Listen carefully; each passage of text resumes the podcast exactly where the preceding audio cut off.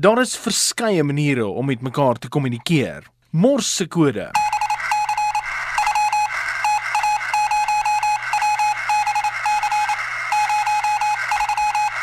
Die Australiese bostelefoon, oftewel 'n donk.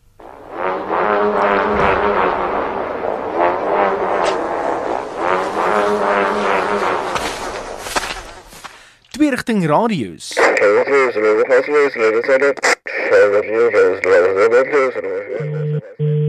'n telefoonoproep. En deesdae grootliks SMS of aanlyn boodskappe deur middel van verskeie toepassings.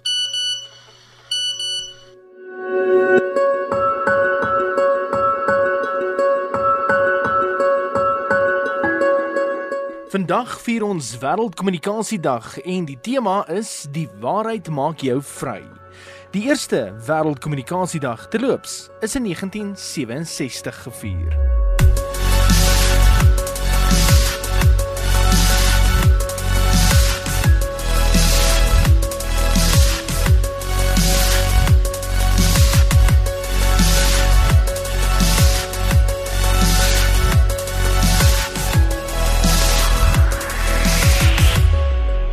Die tema vir die jaar se Wêreldkommunikasiedag is die waarheid maak jou vry.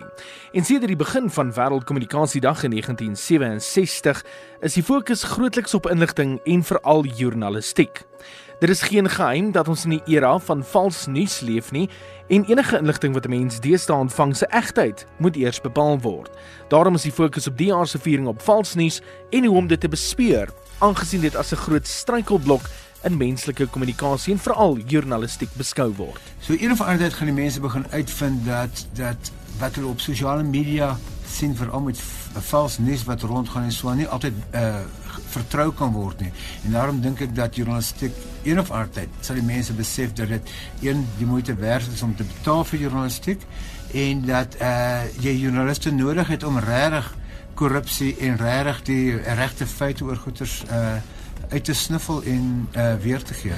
Sosiale media, die gejaag na steen deur middel van sosiale media wat maak dat mense uh, makliker drog nuus versprei sodat hulle uh, uh, groter steen kan kry.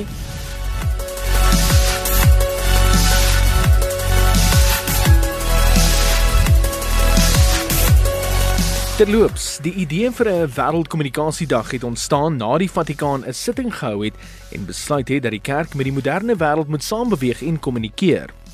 Dit is amptelik in 1967 deur Paus Paulus die 6de verklaar as 'n wêreldwye dag om kommunikasie deur die media, rolprente, die radio en ander metodes uit te lig as die belangrike bronne om tussen die kerk en die mense mee te kommunikeer.